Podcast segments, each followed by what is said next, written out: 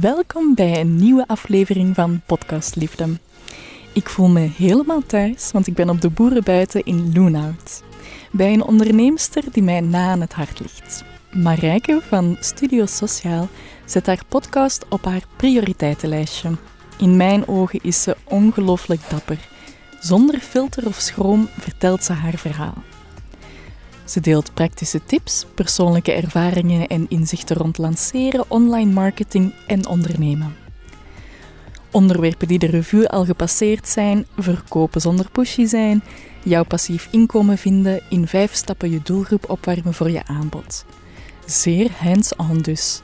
Zonder grenzen deelt ze haar wijsheid, zodat experten hun kennis kunnen vermarkten via cursussen of online coachingtrajecten.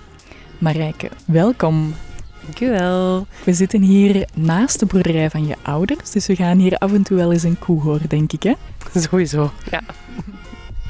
En we kijken hier uit op een super verre weide waar dat ik één zeer speciale boom zie staan. Ja, ehm, dat is Lucie haar geboorteboompje. En welke boom is het? Goeie vraag. Ehm, ik denk iets van een... Ja, ik wil... Het is geen haag, maar het is wel zo'n beukenhaag of zoiets. Maar het is eigenlijk helemaal geen haag, het is een boom. Ja, ik weet het niet. Ja, ja, want je hebt een beukhaag en een haagbeuk, maar dat zijn twee verschillende soorten. Dan is het misschien dat haagbeuk? Ja, dan gaat het de haagbeuk zijn. Dat kan. Het is in ieder geval heel mooi hier. En zo in de buitenlicht opgroeien, hoe heeft jou dat gevormd als vrouw of als onderneemster? Als onderneemster echt op de buiten opgroeien, maar denk ik vooral dan ehm, als dochter van landbouwers.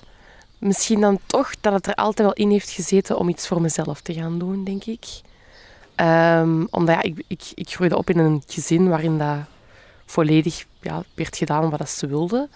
Mijn papa zei vroeger ook altijd, jij bent geboren met een helm op. Waar, waar het mee wil zeggen, jij bent geboren om ja, te leiden is een zwaar woord, vind ik. Maar om eh, ja, het voortouw te nemen dan of zo, denk ik dat het daarmee wil zeggen. Ehm, maar ik heb ook altijd heel goed geweten wat ik niet wilde en wat ik wel wilde.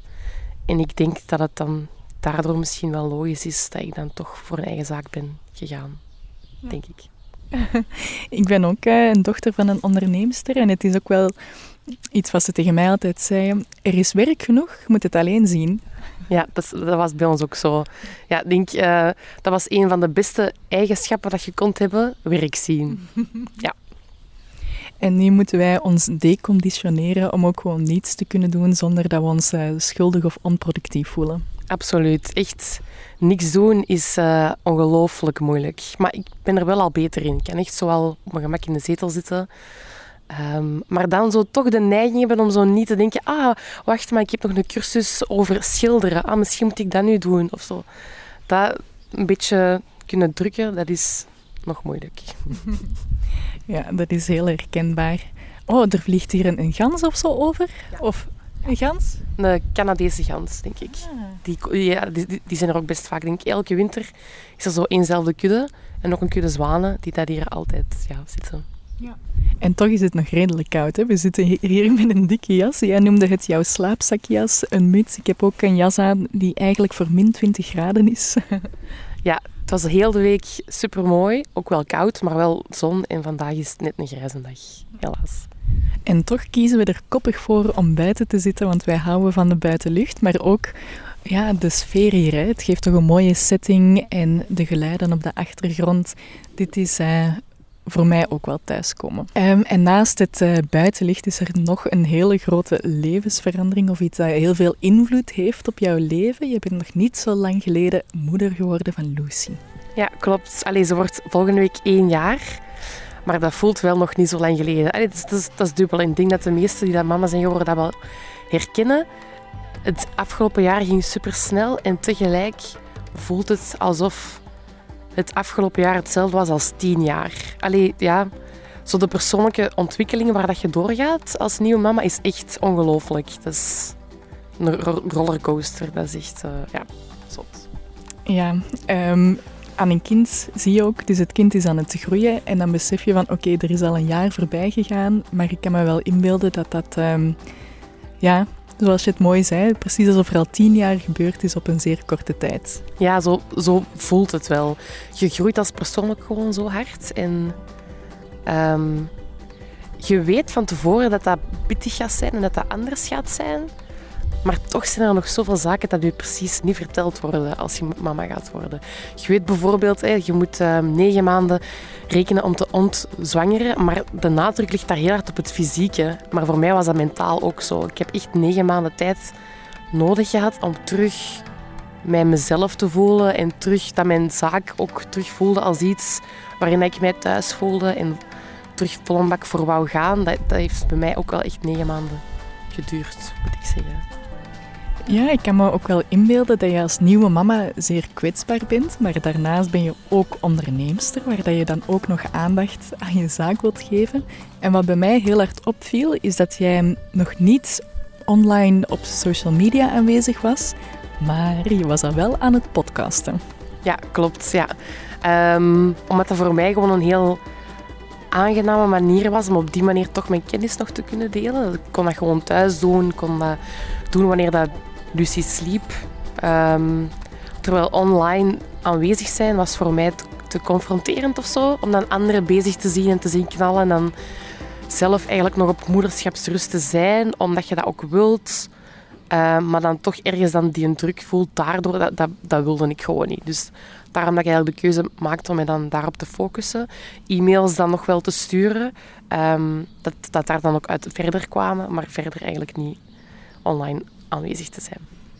Nee, dat snap ik wel. Het podcasten dat kan vanuit je eigen cocoon en het kan heel ook als je niet nieuwe mama bent, zeer confronterend zijn online. Hè. Inderdaad, je ziet anderen zo goed bezig zijn en dan komen je eigen onzekerheden naar boven. En dat voelt met podcasten toch anders. Zeker, omdat je dan ehm, echt vanuit je pure ik kunt delen of zo. Um, daarmee wil ik niet zeggen dat het niet oké is om inspiratie op te doen bij anderen. Zeker wel. Um, maar je kunt het dan meer vanuit jezelf laten komen in plaats van dat je je laat beïnvloeden door wat anderen aan het delen zijn of aan het doen zijn. Of uh, je een bepaalde druk geven. Ja. Dat is mooi dat er dan een medium is. Hè? Als je je zo kwetsbaar voelt, waar dat je toch nog je bedrijfscommunicatie kan doen, maar op je eigen termen, binnen je eigen grenzen. Ja, ja en op je, eigen, op je eigen tempo. Dat is voor mij het, de perfecte manier om er zo terug stilletjes aan in te rollen eigenlijk. Want uh, soms horen we dat ook, hè, dat de babyfoon in je podcast afgaat en dat Lucy wakker wordt. dat is een heel mooi moment. Ik vind dat ook leuk dat je dat erin laat en niet er allemaal uitknipt. Ja, dat is ook um, een beetje uit luiheid. um, ja, ook, ook vooral, vooral dat, maar ook omdat ik dan denk van, ah, nee, ik wil het niet terug opnieuw moeten zeggen, dus ik laat het er gewoon allemaal in. Eén uh, keer was er ook een podcast in de auto, maar dat was minder handig achteraf, omdat ik dan op de autostrade reed en dat maakte heel veel lawaai. Hm. Maar ja, dan moet je ook eens doen om te weten dat dat dan niet werkt. maar dat is mooi, hè, dat je daarmee kan experimenteren. Um, ja, je laat jezelf heel puur en ongefilterd zien. Zo, zoals er bijvoorbeeld ook wel eens een kat over je voorbereiding loopt of zo. Um, en dat trek je door in heel je bedrijfscommunicatie. Ook op Instagram kies je ervoor om geen filters over je gezicht te doen. Um, waarom is dat? Um, ik denk dat dat gewoon iets is dat ik zelf altijd heel belangrijk heb gevonden om mezelf te kunnen zijn. Dat is iets dat van kleins af aan al is. En ik daardoor ook heel lang moeite heb gehad met zo mijn mensen te vinden of zo, om het zo te zeggen. Omdat ik mezelf zijn heel belangrijk vond. En, en ja, als je groot wordt in een klein dorp, um, dan zijn er de mensen die hier zijn. En dat zijn nog altijd wel vrienden. Maar dan is het moeilijker om, om gelijkgestemden te vinden of zo, denk ik. Omdat je in zo'n kleinere gemeenschap groot wordt. Um, en dat heeft dan voor mij wel even geduurd, vooraleer dat ik mij echt thuis voelde en echt het gevoel had van, ah, ik kan hier echt, echt gewoon zijn wie dat ik ben. Um, en dat is iets wat ik gewoon meepak in mijn zaak, bij mijn klanten ook, omdat ik het belangrijk vind dat je jezelf kunt zijn om ervoor te zorgen dat je ook gewoon de klanten aan gaat trekken dat met je matchen. Want naar mijn mening komen daar gewoon de mooiste dingen uit. Uh, als je kunt samenwerken met iemand waar dat mee klikt, dan is de kans ook veel groter dat die persoon echt actie gaat nemen op alle kennis dat jij geeft. Terwijl als je met iemand samenwerkt waar het misschien niet zo hard mee klikt, die dan misschien ook andere dingen wilt dan dat jij wilt, dan is de kans groter dat je die kennis niet ter harte gaat nemen en er mindere resultaten uh, daaruit gaan komen. Ja, dat vind ik een heel mooi inzicht. Hè? Want jij bekijkt ook op verkopen, dat gaat erover om de klant te helpen. Omdat jij misschien de perfecte match bent voor die persoon en dat die persoon daardoor uh, resultaten gaat behalen. Ja, klopt. Um, dat is iets waar ik echt helemaal achter sta. Ik, ik, ik geloof ook echt dat het dan, dat het dan allemaal um, kan vloeien en stromen, dat er dan mooie dingen uit kunnen komen. En het is ook een veel um, geruststellendere manier om op die manier naar verkopen te kijken, denk ik.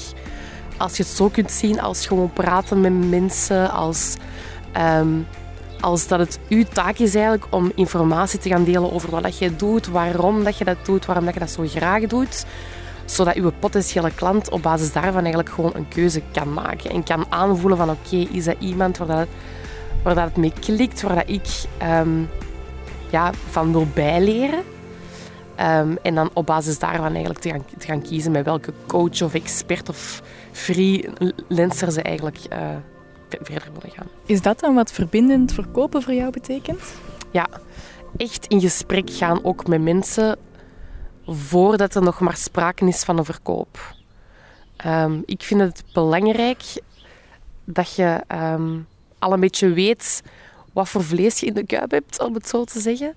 Dat je eigenlijk al met mensen gaat babbelen om te weten van oké, vind ik ook dat het een match kan zijn. Want het is niet omdat een persoon hulp zoekt dat het dan ook effectief een match is. Het kan klikken op persoonlijk vlak, maar als jij al merkt van... Goh, um, ik ben niet de juiste persoon om bij die doelen te helpen of die andere persoon kan hen eigenlijk beter helpen, dat je iemand dan ook dan al door kunt sturen. En dat, je, ja, dat, dat het echt draait om luisteren, weet wat dat iemand nodig heeft. En als je denkt, ah, ik ben toch niet degene die dat, die dat, kan doen, ook gewoon met alle plezier naar iemand anders doorverwijzen. Dat is ook dapper. Hè? Iemand doorverwijzen, dat is um, tegenover de schaarste mentaliteit dan geloven in de overvloedmentaliteit. Of, uh... Zeker. Ook gewoon omdat je wilt dat die persoon zijn doelen kan halen. En het is dan veel fijner om die naar iemand anders te verwijzen dan dat je toch ja zegt en dat die dan misschien niet volledig bereikt wat hij wilt bereiken dan voel jij ook slecht. Die persoon is ook niet zo blij, dus niemand haalt daar iets uit. En ik geloof ook dat mensen dat appreciëren, dat die daardoor ook gewoon dat jij ook top of mind blijft bij die persoon en dat als die iemand anders ziet die dan misschien hulp zoekt bij het vak dat jij doet, dat die ook gaat zeggen, ah, maar wacht, ik, ik ken iemand, ga het daar eens horen. En daar geloof ik ook gewoon echt in. Dat is heel mooi. Hè? En ik denk dat dat een heel belangrijk inzicht is om mensen die zich niet zo comfortabel voelen bij verkopen, om het echt te gaan zien van het is mensen helpen. Ja, en echt ook vooral luisteren. Verkopen is altijd in de eerste plaats luisteren en dan kijken, voel ik dat het, dat het klikt en dan gaan zien hoe kan ik duidelijk overbrengen dat mijn aanbod een antwoord geeft op de vragen dat, dat deze persoon nu heeft. Luisteren is het allerbelangrijkste en brengt mij natuurlijk naadloos bij podcasts. Hoe zet je dat verbindend verkopen in een podcastreeks in? Ik probeer daar altijd wel, niet altijd, op, op sommige, sommige keren probeer ik daar een link te maken naar mijn andere kanalen. Bijvoorbeeld dat iemand nog een extra gids kan, kan, kan kan downloaden. Um, en, dan, en dan probeer ik ook een berichtje te sturen naar die persoon. Dat er eigenlijk al een contact is. En dan van daaruit gewoon eens horen van oké, okay, waarom... Um, waar zoekt je hulp bij? Kan ik er eens al bij helpen? Zodat er gewoon al een eerste, een eerste, een eerste contact is. Oké, dus vanuit jouw podcastafleveringen ga je wel op zoek naar echt contact? Ja, dat zal zeker niet altijd zijn. Um, maar ik link bijvoorbeeld naar een paar gratis gidsen. En dan zie ik van, ah oké, die persoon heeft dat deze week ge, gedownload. En dan ga ik eens een berichtje sturen om eens te horen waar dat ze willen bij zoeken. Kan ik er eens al van dienst zijn? Dat is ook niet iets dat ik consistent altijd doe, hè, want ik ben ook maar een uh, mens. Maar um, dat is wel een manier waarop dat je toch al contact kunt zoeken en al weet van oké, wie luistert er nu eigenlijk. Dus vanuit je podcast ga je op zoek naar echte verbindende communicatie. Hè? Dus je bent niet alleen aan het zenden, maar je wilt ook ontvangen. Is dat iets dat jij sowieso ziet in het landschap dat aan het veranderen is? Ja, ik denk dat er een groot verschil is tussen alleen maar zenden en ook proberen in conversatie te gaan. Ehm, en dat het daar vaak fout loopt. Ehm, als ik klanten heb die daar al supergoed bezig zijn, als in oppervlakkig, hè, wat andere mensen zien, dat zijn dan mensen die oh, supergoeie posts hebben, mensen reageren daarop, mensen zijn duidelijk echt fan. Um, maar als je dan gaat horen hoe dat het achter de schermen loopt, dan zijn dat mensen die vaak zeggen, het werkt niet. Mensen kopen niet wat ik doe en ze snappen zelf totaal niet waar dat het fout gaat. En vaak is daar, is, is daar waar dat het fout gaat. Dus dat ze daar nog heel hard aan het zenden zijn, maar eigenlijk te weinig met de mensen praten. Um, te weinig horen van oké, um, wat zijn de onderwerpen waar dat je meer over wilt weten, maar ook echt persoonlijk gaan kijken, kan ik iets voor u doen? Ja, dus we zien hier een grote wei voor ons. En dan hiernaast is um, de, de boerderij, de stal zal ik zeggen, waar dat de koeien staan, waar dat we af en toe wel eens een getik horen. Kunnen we eens gaan kijken naar daar? Zeker, zeker. Ja. Oké, okay, naar waar zijn we nu onderweg, Marijke? Um, we zijn nu onderweg naar de koeienstal. Dus waar dat de koeien staan, de, de vaarzen, om het zo te zeggen. Dus alle koeien die nog geen mama zijn geworden eigenlijk. Ja, die zijn hier allemaal samen. Ja. En we passeren hier ondertussen mijn nieuwe auto. Oeh, zit hem eens blinken. Ah, mooi, mooi. Ja, dat was van de moeders, hè, die auto kopen. Maar uh, ik ben er ondertussen wel heel blij mee, want ik kan er podcasts in luisteren. Mijn andere auto was plots ineens kapot. Maar uh, uiteindelijk loopt alles goed zoals het loopt. Hè. Ja, ja dat klopt. Ja. En nu zijn we midden op de weg aan het wandelen. Geen auto's, allemaal chill. Ja, ja. veel vogeltjes. En dan in een deurtje gaan we naar binnen.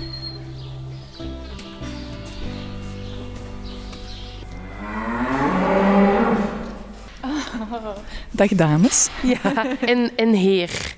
Ah ja? Ja, er is één heer, die, die, die komt als. Hè. Dus er komt hier een mannelijke... Uh, ja, stier is dat dan zeker? Oeh, hij duwt de vrouwen opzij. Ja, stieren zijn altijd heel... Um, protective. Ik weet even niet hoe ik het anders moet zeggen. Dus die komen altijd eerst, eer, eerst even, kijken. Ja. Wauw, ja, hier staren ondertussen verschillende wit-zwarte hoofden mij aan en de stier kijkt het indringendste. Ja, die zijn dan niet gewoon dat er iemand met een uh, microfoon binnenkomt. ja, sorry meneer. Eh, maar dat is wel mooi, hè? Dus hij komt echt wel een beetje voor zijn vrouwen te beschermen. Dan. Zeker, ja, ja, klopt, ja. Er is ook um, een typische boerengeur, hè? Sowieso, dat hoort erbij, ja. Ze zijn onder de indruk, denk ik. Ah, ah wel, de stier nog dichter. Ja. Die, die komt echt kijken, wat, wat komen jullie hier doen?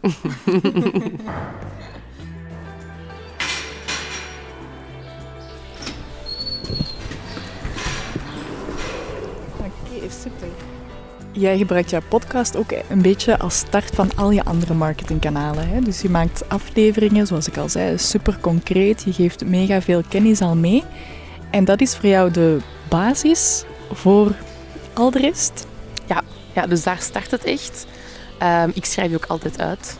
Um, en dan op basis daarvan ga ik kijken ah, wat voor e-mails kan ik dat geven, wat voor posts, wat voor stories.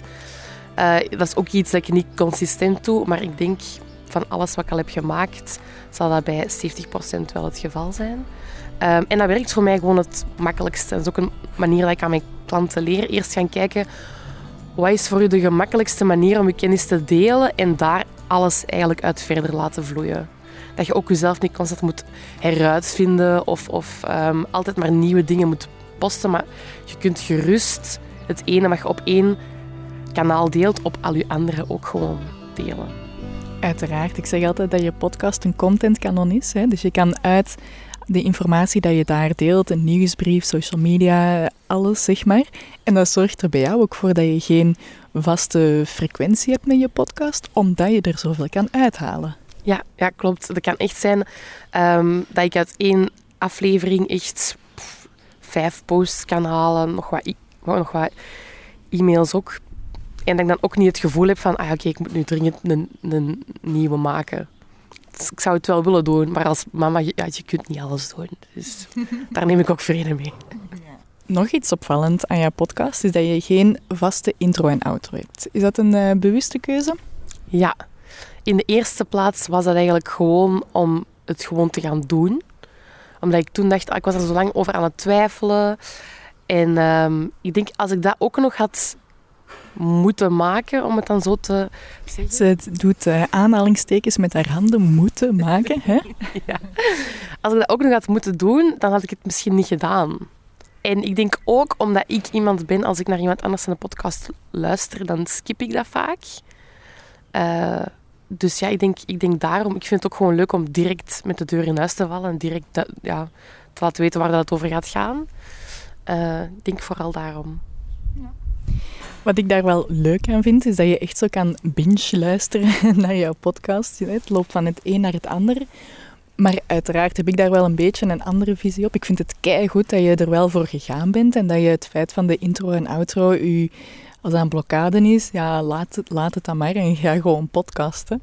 Maar aan de andere kant is, um, ja, is dat ook een manier om ze even in de aflevering te komen.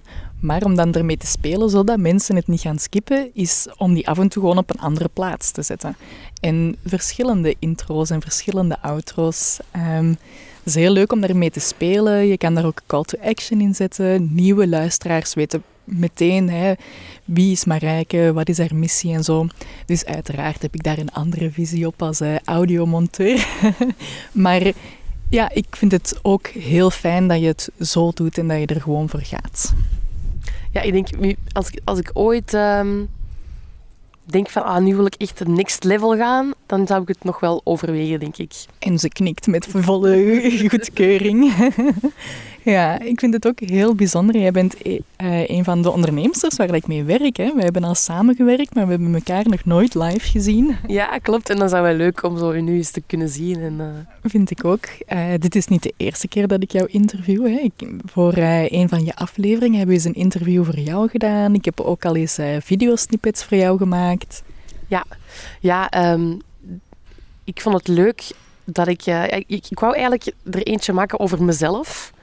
Maar ik vond het heel moeilijk om voor mezelf te vertellen. En dan vond ik het heel leuk om, om aan u te vragen van... Oh, we kunnen hier niet wat vragen stellen. Dat we het zo kunnen doen. Dat voelt al minder een monoloog over mezelf. Uh, en dat voelde ook veel fijner aan. Uh, of ja, een aflevering over jezelf, is een, daar zitten mega grote blokkades hè, bij mij ook. Ik heb die aflevering denk ik uh, zes keer opnieuw opgenomen.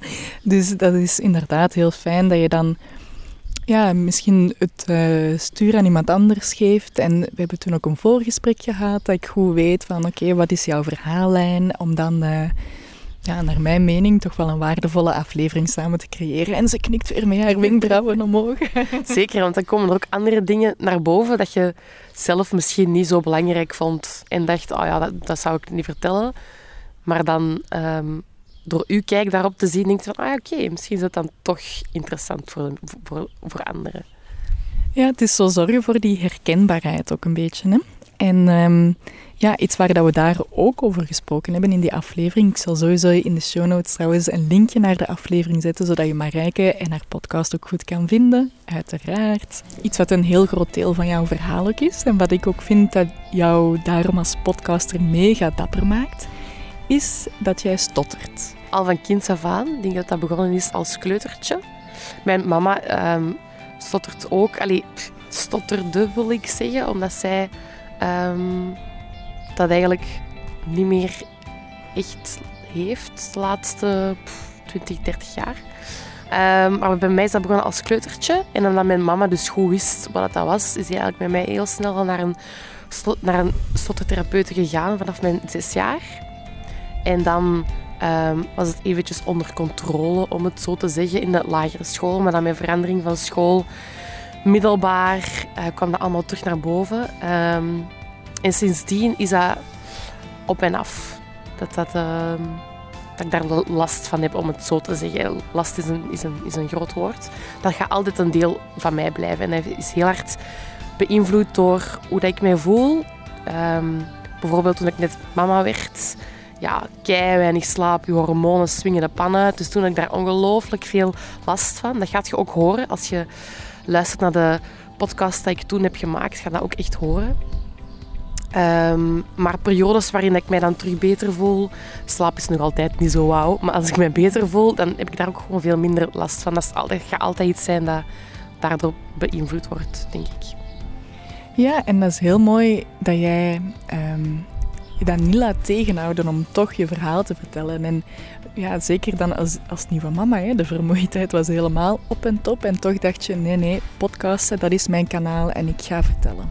Ja, ja, omdat ik het zo fijn vind dat ik daar ineens heel diep in een bepaald topic kan uh, duiken. Ja. Naast dat ik het dapper vind, vind ik eigenlijk ook dat het voor de luisterervaring um, ja, op een positieve manier beïnvloedt. Het uh, zorgt ervoor dat je aandachtiger luistert, hè, want soms valt het dan even stil en dan, ah ja, ja, wacht, ik ben naar een podcast aan het luisteren, wat, wat zegt zij? Want bij een podcast hoef je niet altijd als luisteraar volledig je aandacht erbij te houden. En bij jouw podcast is zo die stilte momentjes zorgen juist van, oké, terug bij de les. Ja, ja, ja ik, ik weet, ik weet um, dat je dat zei een paar, een paar weken terug. En ik had het zelf nog nooit zo gezien eigenlijk. Um, omdat ik, ik edit hier niet uit, maar als ik bijvoorbeeld een blokkade heb, dan maak je die vaak wel korter. Omdat het soms dan echt, ja, ik denk de langste echt 20 seconden stil kan zijn. Ja, dat is, de, dat is niet de bedoeling. Hm. Dan ben ik mensen kwijt, denk ik. Maar um, ja, ik vind het wel fijn dat het dan toch ook een positief effect heeft. Zeker, en ik denk dat het ook wel gaat over representatie, toch? Zeker weten, ja. Um, dat is wel iets dat ook meer en meer um, aan bod komt, om het zo te zeggen. Uh, het is al iets dat veel meer in beeld komt. Toen ik klein was, dan zag je niemand dat dat deed. En iedereen dat op tv kwam en op de radio kwam, die kon perfect praten. En, um, maar nu komt dat toch al wat meer aan het licht, heb ik de indruk. En dat is wel fijn, fijn om te zien, ja. En daar draag jij een steentje aan bij, hè? Oh, had jij als klein meisje verwacht dat je ooit je eigen radiozender ging hebben? Zeker niet, nee. Nee, absoluut niet. Ik denk, uh, nee, nee, echt niet. Als ik wist dat ik een presentatie moest geven, dan lag ik daar vanaf dat ik het wist van wakker. Dus soms weken. Telefoneren was ook geen optie. Uh, in de winkel iets gaan vragen was geen optie. Gaan eten en iets bestellen was ook verschrikkelijk. Dus nee, ik had nooit verwacht dat ik dit zou doen. Nee, echt niet. Nee. Wauw, dat zijn echt wel inderdaad hele grote blokkades van iets in de winkel bestellen naar zelf uh, podcast inspreken. Hoe heb je dat overwonnen? Um, stottertherapie sowieso. Um, je hebt daar heel veel gradaties in. Uh, de therapie die ik heb gevolgd was echt wel ja, op het psychologische af eigenlijk. Echt vooral mee gaan kijken. Um, dat je ook gewoon weet van waar het dat komt. Dat je dat leert plaatsen. Dus geen trucjes. Hè, geen trucjes van hoe dat je beter kunt praten. Ik denk dat iedereen... Ah, nee, ik denk dat sommige mensen de film The King's Speech wel kennen. En daar wordt er wel gewerkt met trucjes. Um, maar dus het lastige aan die trucjes is dat die op een bepaald moment niet meer werken. En dat je dan terug van naar, naar, naar af bent. Um, dus dat is eigenlijk een beetje uh, hoe dat zij te werk ging. En dat voor mij ook werkt, dat ik ook gewoon weet dat dat oké is. Dat dat niet, niet slecht is, om het zo te zeggen. Dus ja. Hmm. Tuurlijk is dat niet slecht. Ik vind het echt heel mooi en dapper dat je dat doet. Ik ben echt super blij dat jij podcaster bent en, en dat je iets waar dat je vroeger zo onzeker door was, het stotteren, dat je dat je niet laat tegenhouden om eh, je verhaal te vertellen. En dat gaat er ook over om ja, um, jezelf te tonen zoals je bent. Ook al gaat het dan over je laten horen zoals je bent. We zitten hier ook allebei met een blank gezicht, zonder make-up op. Dat is ook niet evident, hè? Nee, nee, nee, klopt. Um, ik denk dat mensen vaak de neiging hebben als ze ergens, als, als ze ergens met hun hoofd opkomen, op stories of eender wat, dat ze daar een filter gewoon over leggen. Um, maar ik heb dat bewust nooit niet gedaan. Ehm, ook gewoon om mij te laten zien zoals ik ben. Maar ook wel een beetje uit zelfliefde. Ehm, ik heb zelf ook echt ervaren dat je jezelf liever of grager, of hoe je het ook zegt, gaat zien als je geen filtertje over je hoofd legt. Ehm, want als je dat wel doet en je wordt dagelijks uiteraard geconfronteerd met hoe dat je eruit ziet, dan gaat je daar misschien een negatief gevoel aan vasthangen. Terwijl je ziet, eruit, je, ziet er goed uit zoals dat je bent. Um,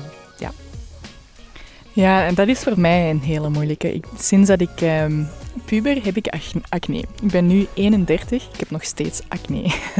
ik ben er mega onzeker over. Um, en dat zorgt er dan ook heel vaak voor dat ik niet online mezelf toon. En dan zeker wil ik daar eigenlijk ook geen filter op zetten. Ik wil ook geen make-up op doen, want dan wordt het eigenlijk toch alleen maar erger. En daarom vind ik het nog des te dapperder dat jij in je podcast dan met iets dat voor jou een grote onzekerheid is, hè, je stotteren, dat je daar gewoon voor gaat. Je bent een voorbeeld. Oh, dat is lief, dank u. vorig jaar was er een grote levensverandering. Je werd opnieuw mama. Dit jaar staat er ook iets op de planning. Hè? Je gaat trouwen. Ja, we gaan trouwen uh, in oktober. Ja. Ah, dus dan gaan we ook een dikke jas mogen aandoen misschien. Misschien, en misschien ook niet. Dat is zo het, het uh, lastige aan die, aan, aan, aan die maand. Maar ik vind het ook wel fijn um, om gewoon te zien wat dat brengt. Maar dan gaan hier al hopelijk wat herfstkleuren zijn. Dus, uh, ja.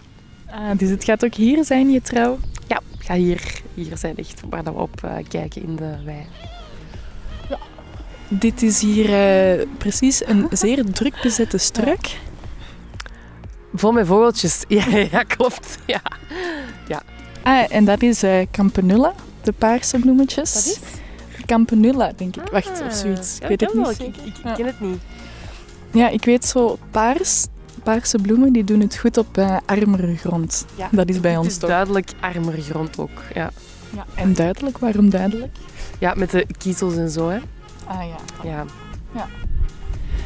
Onze boerenkennis komt boven. Oké, okay, Marijke. We zitten bijna op het einde van ons interview. We zijn aan het afronden. Ondertussen ben jij wel een aantal keer te gast geweest in verschillende podcasts. Nu ben ik heel benieuwd wat je van ehm, dit interview vond, van deze ervaring. Super fijn. Ook gewoon heel leuk dat het buiten is en dat het bij mij thuis is. Uh, nee, echt, echt heel, heel, heel leuk. Heel fijn om dat te horen. En wat mogen we nog van jou verwachten in podcastland? Oh, wat mocht je nog van mij verwachten? Ik wil sowieso um, misschien nog wat meer mensen interviewen denk ik.